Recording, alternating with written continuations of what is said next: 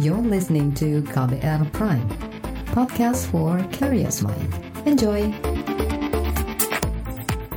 Selamat sore saudara, kembali kami menyapa Anda melalui program Buletin Sore KBR untuk hari ini Rabu 22 April 2020 bersama saya Fitri Anggreni.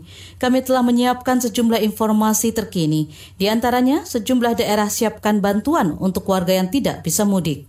KKP bagikan 10 ton ikan untuk masyarakat terdampak pandemi.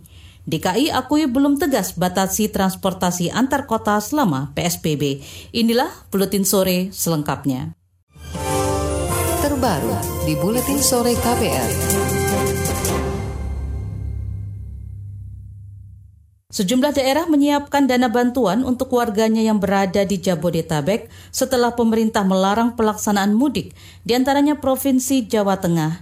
Gubernur Jawa Tengah Ganjar Pranowo mengatakan, selain bantuan untuk warganya di Jabodetabek, bantuan juga akan diberikan kepada warga Jawa Tengah yang berada di daerah yang telah menerapkan pembatasan sosial berskala besar atau PSBB. Karena memang faktanya tetap aja yang pemudik nekat dan itu tentu pengendaliannya juga tidak mudah di daerah. Maka dengan larangan yang lebih tegas, harapan kita saudara kita rela hati untuk tidak mudik, namun demikian ada rescue terakhir untuk mereka para warga yang tidak mudik ini bisa mendaftarkan sehingga bisa mendapatkan jaminan. Untuk mempermudah pemberian bantuan, dia meminta warganya di daerah PSBB yang belum terdata agar melapor ke perangkat RT atau RW. Ganjar menjelaskan saat ini skema pemberian bantuan untuk warga yang tidak mudik masih dibahas oleh pemerintah. Selain Jawa Tengah, Provinsi Jawa Barat juga berencana memberikan bantuan kepada warganya yang tidak mudik. Gubernur Jawa Barat Ridwan Kamil berjanji memberikan bantuan secara merata termasuk kepada warga luar daerah yang berada di Jawa Barat. Sebelumnya, Presiden Joko Widodo memutuskan melarang warga untuk mudik lebaran tahun ini. Larangan itu untuk menekan penyebaran virus corona. Kementerian Perhubungan menyatakan larangan mudik mulai berlaku 24 April atau hari Jumat mendatang. Kementerian Keuangan belum merencanakan penambahan anggaran bantuan sosial atau jaring pengaman sosial akibat pelarangan mudik. Staf khusus Menteri Keuangan Masyita Kristalin berdalih, anggaran akan disesuaikan dengan kondisi di Indonesia mengenai penambahan jaminan sosial itu belum sampai dalam pembicaraan seperti itu, tapi tentu saja ada fleksibilitas anggaran untuk itu. Dan ada dua fleksibilitas ya. Pertama dari anggaran pemerintah pusat dan juga daerah bisa langsung juga memberikan top up. Seperti yang kita tahu daerah-daerah sudah mulai memberikan top, top up dalam bentuk additional social safety net.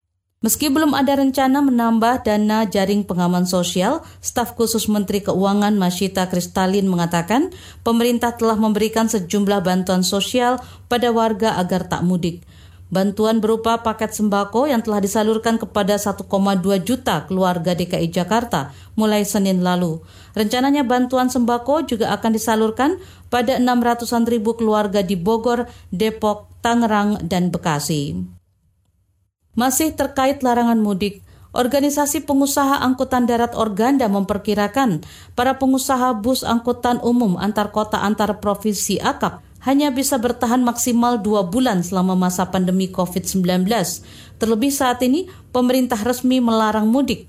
Ketua Umum Organda Andre Joko Sutono meminta pemerintah memberikan relaksasi untuk memudahkan pengusaha pekerja sifatnya pekerja harian di transportasi ini kan sangat besar. Kita jumlahnya sudah mencapai 1,4 juta, yang terdata lengkap sudah mencapai hampir 400 ribu. Tetapi perusahaannya sendiri terus terang mungkin hanya tinggal satu dua bulan lagi sanggup mempertahankan kendaraannya kalau memang e, dari kreditur ini tidak ada kepastian bagaimana restrukturisasi ini akan diaplikasikan secara menyeluruh.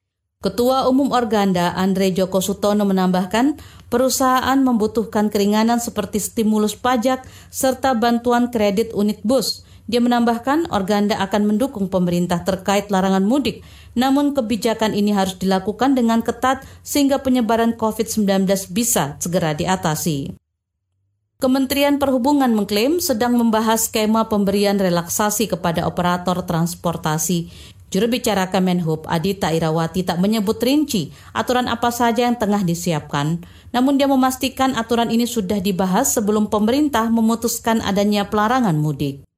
Kami masih dalam pembahasan dengan para operator transportasi, walaupun sebenarnya informasi atau kemungkinan terjadi pelarangan ini sudah kami bahas beberapa waktu yang lalu ya. Dan saat ini sudah ditetapkan jadi sebuah keputusan pelarangan mudik. Nah ini kami sedang matangkan juga bagaimana kemudian nanti skema dampak dari pelarangan ini kepada transportasi atau operator transportasi dan kami sedang bahas seperti apa nanti skema kompensasinya. Itu tadi juru bicara Kementerian Perhubungan Adita Irawati. Sebelumnya organisasi pengusaha angkutan darat Organda meminta pemerintah memberikan bantuan atau kompensasi kepada pengusaha angkutan maupun karyawan. Organda mengusulkan bantuan bisa berupa bantuan tunai untuk karyawan seperti pengemudi hingga kernet hingga penundaan pembayaran pajak bagi pengusaha angkutan darat. Kepolisian dan Kementerian Perhubungan menerapkan aturan dan sanksi kepada warga yang nekat pulang kampung di tengah larangan mudik dari pemerintah. Aturan itu di antaranya adalah permintaan putar balik ke tempat semula. Direktur Lalu Lintas Polda Metro Jaya Sambodo Purnomo Yogo mengatakan kepolisian akan menindak tegas jika sampai 7 Mei nanti masih ada yang nekat mudik. Pelarangan mudik ini dilakukan dengan melakukan penyekatan dan pemeriksaan terhadap kendaraan-kendaraan yang melintasi checkpoint-checkpoint yang eh, pada uh, operasi ketupat ini kita namakan dengan pospam. Tadi telah disebutkan ada pos pengamanan terpadu sebanyak 19 uh, eh, pos yang berfungsi sebagai uh, checkpoint. Direktur Lalu Lintas Polda Metro Jaya Sambodo Purnomo Yogo menambahkan, guna mempercepat proses pemantauan larangan mudik, maka kepolisian akan memajukan operasi ketupat dari H-7 Lebaran menjadi hari pertama Ramadan. Banyak perusahaan tak mampu bayar THR di tengah pandemi COVID-19. Informasinya akan hadir seusai jeda. Tetaplah di Buletin Sore KBR. You're listening to KBR Pride, podcast for curious mind. Enjoy!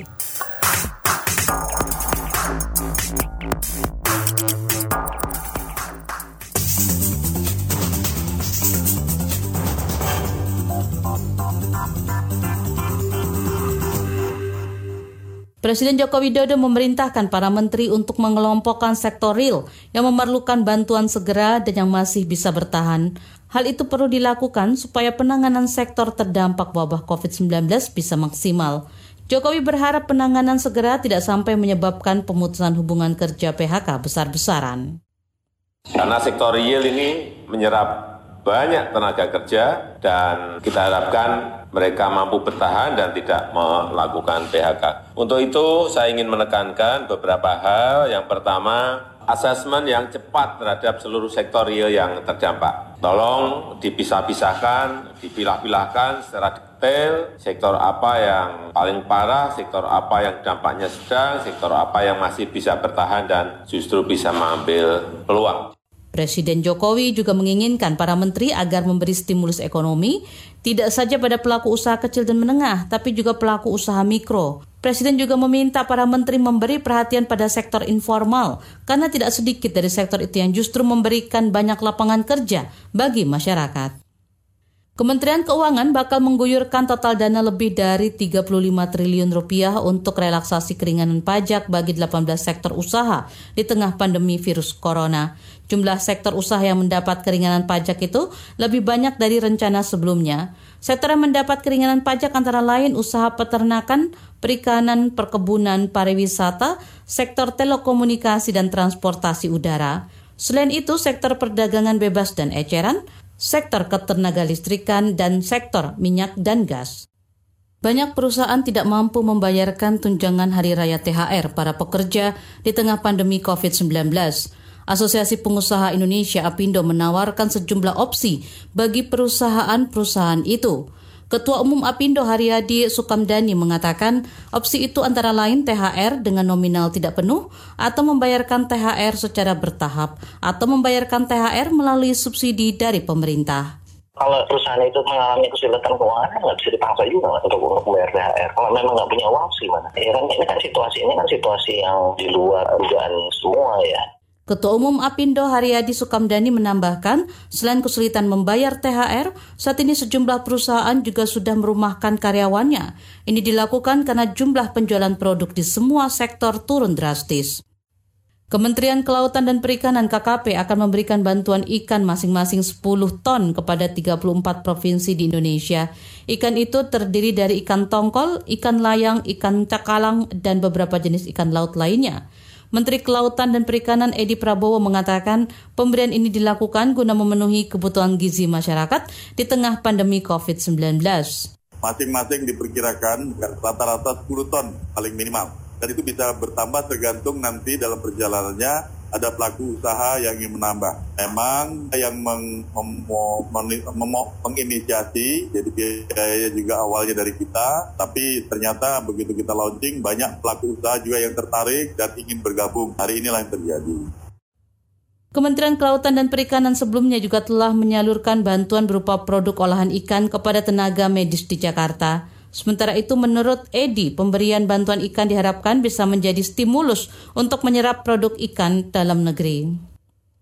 Kita ke informasi mancanegara. Pemerintah Amerika Serikat memperkirakan larangan masuk bagi warga asing ke negara itu hanya akan berlangsung sekitar dua bulan. Presiden Amerika Serikat Donald Trump menjelaskan larangan itu hanya berlaku bagi pendatang yang ingin mendapatkan kartu hijau sebagai penduduk tetap. Larangan itu dimaksudkan untuk melindungi peluang warga Amerika yang kehilangan pekerjaan akibat wabah corona. Keputusan Presiden Amerika soal larangan masuk bagi warga pendatang itu diperkirakan akan ditandatangani Rabu ini. Donald Trump mengatakan larangan itu akan berlaku bagi individu yang ingin masuk ke Amerika Serikat untuk jangka waktu yang pendek.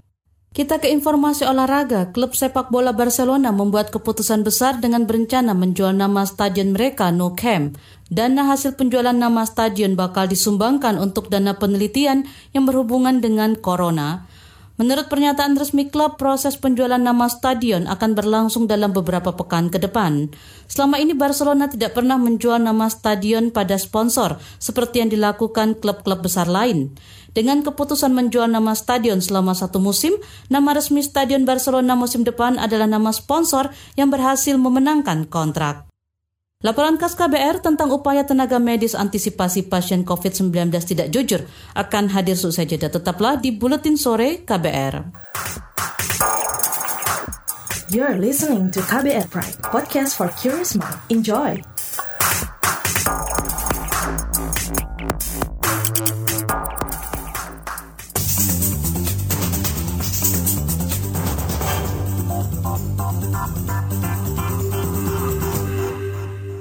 Terima kasih Anda masih mendengarkan Buletin Sore. Saatnya kita menyimak laporan khas KBR. Tenaga medis makin beresiko tertular COVID-19 karena banyak temuan pasien tidak jujur.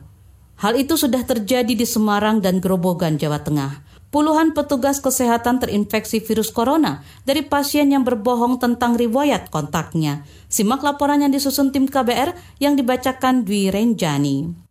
Aku sampai pakai sarung tangan itu sampai double, tiga sampai empat. Kenapa aku double ya? Kemungkinan-kemungkinan kan pasti ada. Cuma kita ya jaga diri dari awal sih gitu aja. Jessica kini semakin disiplin menggunakan alat pelindung diri atau APD saat bekerja. Ia tak ingin bernasib sama seperti rekannya sesama perawat yang tertular COVID-19 dari pasien yang tidak jujur. Pasien itu berbohong tentang riwayat kontaknya dan perjalanannya saat datang ke rumah sakit. Temanku kemarin juga ada yang dia nanganin COVID dan dia nggak tahu kalau itu positif dan akhirnya sampai sekarang dia masih dirawat inap. Parahnya dia positif juga. Nah dari pelajarannya teman-temanku yang sering dibohongin sama pasien, kita semakin takut sih iya, tapi ya tinggal kita gimana sih pakai tameng kita sendiri-sendiri kayak kita pakai APD dengan lengkap dan selalu minum vitamin sih kalau kita gitu. Jessica juga rajin menjalankan tiap protokol kesehatan untuk menekan risiko penularan. Pasalnya, ia bekerja di salah satu rumah sakit rujukan COVID-19 di Semarang, Jawa Tengah. Ia tak memungkiri ikut cemas ketika menangani pasien penyakit apa pun. Terlebih dengan kejadian puluhan tenaga medis di rumah sakit Karyadi yang positif corona setelah menangani pasien yang tidak jujur dan kita kalau dari rumah sakit aku itu diwajibkan pada rumah sakit itu mandi sampai dua kali. Setelah kita habisi kita lepas APD kita mandi. Terus nanti kalau kita keluar keluar dari ruangan tersebut kita mandi lagi. Jadi benar-benar kita dari rumah sakit udah bersih mandi keramas benar-benar udah dua kali sampai kulit kita, rambut kita yang habis jadi itu udah kering semua, udah sampai pada potong pendek-pendek semua deh. Jessica berhati-hati saat melakukan kontak dengan orang-orang terdekatnya usai pulang kerja. Ia tak mau mereka ikut berisiko tertular COVID-19 kita sebagai tenaga medis itu juga bakalan mengurangi kontak sama keluarga kita. Kalau kita lagi ya pacar ya sama pacar kita. Aku sendiri pun ketemu sama pacar aku tuh hampir dua minggu lebih dan itu ketemunya cuma satu jam. Kalau aku tinggal sama orang tua aku sampai rumah ya udah aku kayak mengisolasikan diri sendiri masuk kamar untuk alat makan alat minum tuh aku sendiri sih menjaga keamanan untuk keluarga kita masing-masing itu sih beratnya kita. Di Jawa Tengah, kasus ketidakjujuran pasien yang membawa petaka bagi tenaga medis terjadi di Semarang dan Grobogan. Hal serupa juga muncul di Cirebon, Jawa Barat. Sekitar 20 petugas medis Rumah Sakit Ciremai diisolasi setelah merawat pasien berstatus dalam pengawasan. Pasien itu mengeluhkan gangguan pernafasan, tetapi keluarganya berbohong tentang riwayat kontaknya. Kepala Rumah Sakit Cermai, Andre Novan. Kontak dengan keluarga yang menjadi positif dan meninggal. Sudah kita tanyakan berkali-kali, tapi menyangkal, keluarga menyangkal. Akhirnya itu baru kita dapatkan pada saat pasien masuk ke ICU.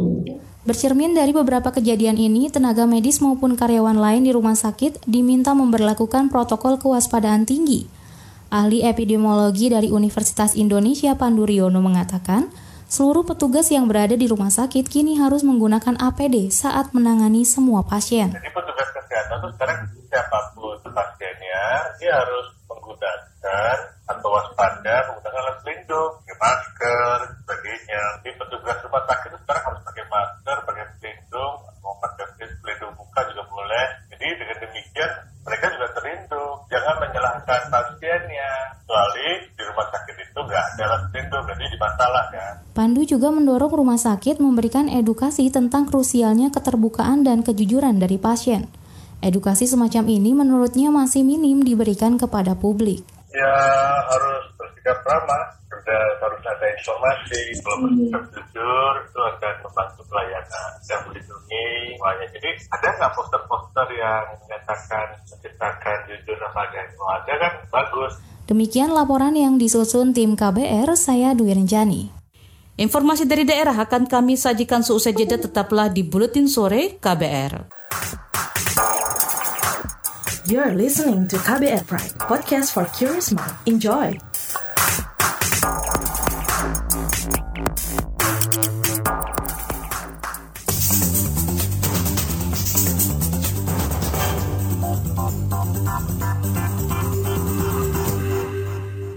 Inilah bagian akhir dari Buletin Sore KBR.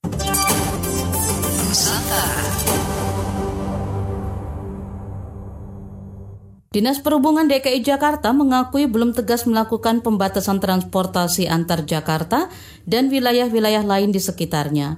Kepala Bidang Angkutan Jalan BAJ Dinas Perhubungan Susilo mengatakan mereka mengalami dilema dalam mengambil sikap memperlakukan pembatasan sosial berskala besar PSBB atau tetap melayani masyarakat. Kemudian juga bagi Jakarta memang sudah dilakukan pelarangan bis untuk masuk di luar jam yang ditentukan, yakni jam 6 sampai jam 18 bis-bis antar kota silahkan masuk. Di luar itu kami pun menolaknya. Namun kita bisa lihat bahwa menolak bagaimana kalau buat perusahaan atau buat kendaraan bis tinggal diusir saja, tapi di dalamnya ada penumpang. Kepala Bidang Angkutan Jalan BAJ di Dinas Perhubungan DKI Jakarta Susilo berdalih, sejak kebijakan PSBB diresmikan, sosialisasi sosialisasi terus dilakukan terkait PSBB dan protokol kesehatan yang harus dijalankan pengelola dan pengguna transportasi. Dia juga mendukung keputusan pemerintah pusat melarang mudik bagi seluruh masyarakat dan berharap langkah pemerintah ini dapat secara efektif menekan penyebaran COVID-19. Kita ke Bali. Pemerintah Kota Denpasar mengajukan usulan pembatasan sosial berskala besar PSBB ke pemerintah provinsi. Namun aturan tersebut ditolak. Pemerintah Provinsi Bali menilai pembatasan sosial berskala besar PSBB Kota Denpasar belum perlu dilakukan karena 80-an persen kasus positif virus corona merupakan imported case atau kasus dari luar negeri. Ketua Harian Gugus Tugas Percepatan Penanganan COVID-19 Provinsi Bali, Dewa Made Indra mengatakan, kasus imported case di Pulau Dewata tidak bisa diselesaikan melalui PSBB, berbeda halnya dengan kasus transmisi lokal. Kita ke Aceh. Enam pelanggar syariat Islam di Aceh tetap menjalani hukuman cambuk di tengah pandemi COVID-19. Kabit Penegakan Syariat Islam Satpol PP Kota Banda Aceh, Syafriadi mengatakan, Pelaksanaan hukuman ini dilakukan dengan sejumlah protokol kesehatan, yaitu dilakukan secara singkat. Kita langsung melakukan prosesi hukuman cambuk dan seperti di daerah lain juga ada demikian yang sudah putus hukuman langsung dilakukan prosesi dengan catatan kita tetap jaga jarak. Sementara itu, Kabit Penegakan Syariat Islam Satpol PP Kota Banda Aceh, Safriyadi menambahkan, pelaksanaan hukuman cambuk di tengah pandemi juga diberlakukan tanpa penonton. Informasi tadi saudara menutup jumpa kita di Buletin Sore hari ini. Pantau juga informasi terbaru melalui kabar baru, melalui website kbr.id, Twitter at berita KBR, serta podcast melalui kbrprime.id. Akhirnya saya Fitri Anggreni undur diri. Salam.